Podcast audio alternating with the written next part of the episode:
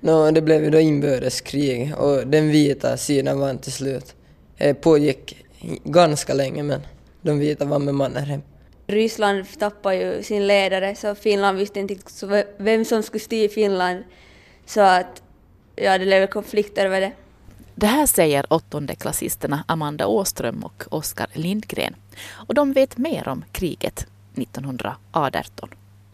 No, jägarna kom ju tillbaka, sen kom tyska soldater också och hjälpte den vita sidan. Så de vann då kriget. Jo, det var en stor strid i Tammerfors som blev vändpunkten för vita, ska jag säga. Så att.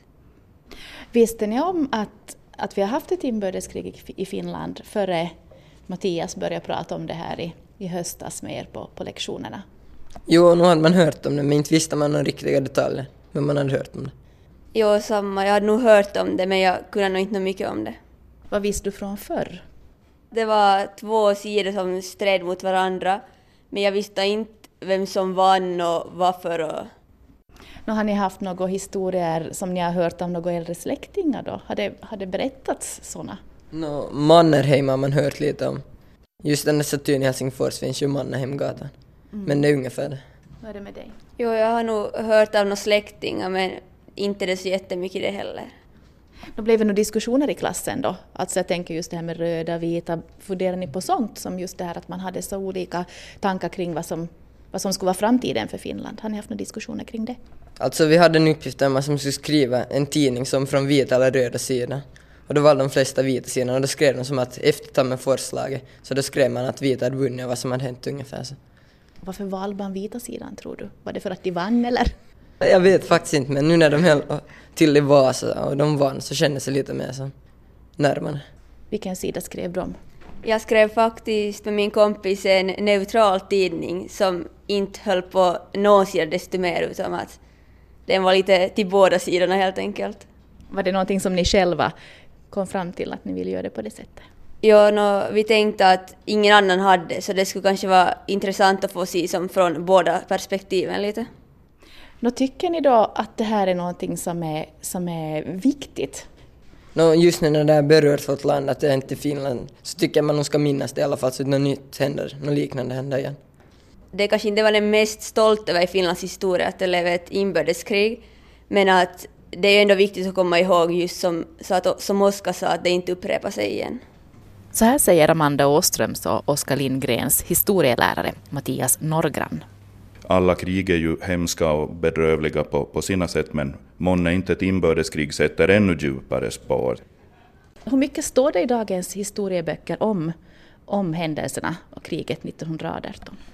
Åtminstone den här boken som vi använder i högstadiet här så står ganska mycket. Mm. Och då försöker man kanske betona mer varför blev det ett sånt här eh, hemskt krig och vilka följder fick det? Att kanske inte så extremt mycket om, om själva, själva striderna.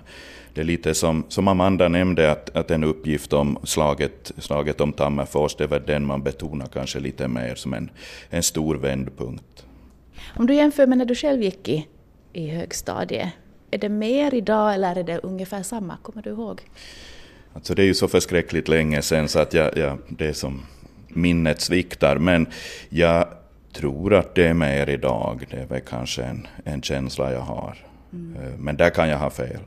Jag kommer ihåg från när jag studerade så för jag läste också historia, så då pratade vi med blivande hissalärare hur de skulle framställa det här, just med att, eh, att det var två olika sidor och, och, det var ändå relativt nära, att man hade då ändå, man visste kanske vilken sida ens egna släktingar hade varit på. Och sen de här begreppen, att ska man prata om medborgarkrig, inbördeskrig, frihetskrig. Är det sånt som du har tänkt på i din undervisning, hur du förmedlar den här biten, hur du förvaltar det här för att att göra det på ett bra sätt? No, nu är det ju så, jag, jag, jag, jag minns ju att, att det var frihetskriget som gällde eh, när jag själv gick i, i högstadiet och att vissa fortfarande kanske här i våra trakter i Österbotten föredrar begreppet frihetskrig. Men jag har nog helt medvetet försökt hålla mig neutral där, eh, som, som Amanda i, i, i sitt projekt där med respekt för de som då kanske har röda i, i sitt släkt som var med. Så att jag försöker ta det nog mer ur ett neutralt perspektiv, att man ska som mm. kunna förstå båda sidorna. Väl lite som, som, som Väinö Linna i, i sin Torpa-trilogi, att man, eh, jag försöker åtminstone prata främst om inbördeskriget. Och så nämner jag att det finns andra sätt också att benämna händelserna 1918 om man vill vara extremt neutral, och, och klasskriget och, och så vidare. Så att en neutral approach försöker jag ha. Kommer det här att vara viktigare i undervisningen i år i och med att det är hundra år sedan kriget? Eh, trodde att det får mer betoning om vi tänker på fjolåret som var så väldigt genomsyrat av 1917, självständighetsjubileet. Vad tror du om, om kriget 1918 och årets undervisning? Nej, jag tror du har helt rätt där att man kommer att lyfta fram det mer för att eh, fjolåret så paketerades ju in nog där i Finland 100 år och självständigheten och, och den biten så att det här året så, så blir väl nog fokus på, på inbördeskriget här och eh, första världskriget också, att liksom det kriget äntligen fick sitt slut också. Nå, till sist nu Mattias, alltså jag har läst på när det gäller din undervisning. Och uh, där så, så såg jag att du, du gärna tar till att du dramatiserar gärna när du ska uh, beskriva händelseförlopp, historiska händelseförlopp. Jag hade också en sån hissalärare så att uh, jag vet hur bra man minns när man har fått, fått den sortens undervisning. Men nu skulle jag vilja veta, minns ni hur han gjorde? Gjorde han något skilt? Jag minns i alla fall, jag minns när det var just med första världskriget, man har dunkat någon gång en stav i golvet riktigt hårt. Och det just minns jag att jag minns speciellt.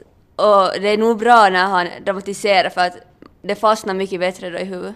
Har du något minne? Jo, men det var just under det där med rys, förryskningen i Finland. Så då visade han hur man tog som motstånd. Det var något aktivt så typ tog han, att det var att han föreställde sig att han hade kommit hem från jobbet och så sa mamma att mamma sa att han skulle ta och dammsuga.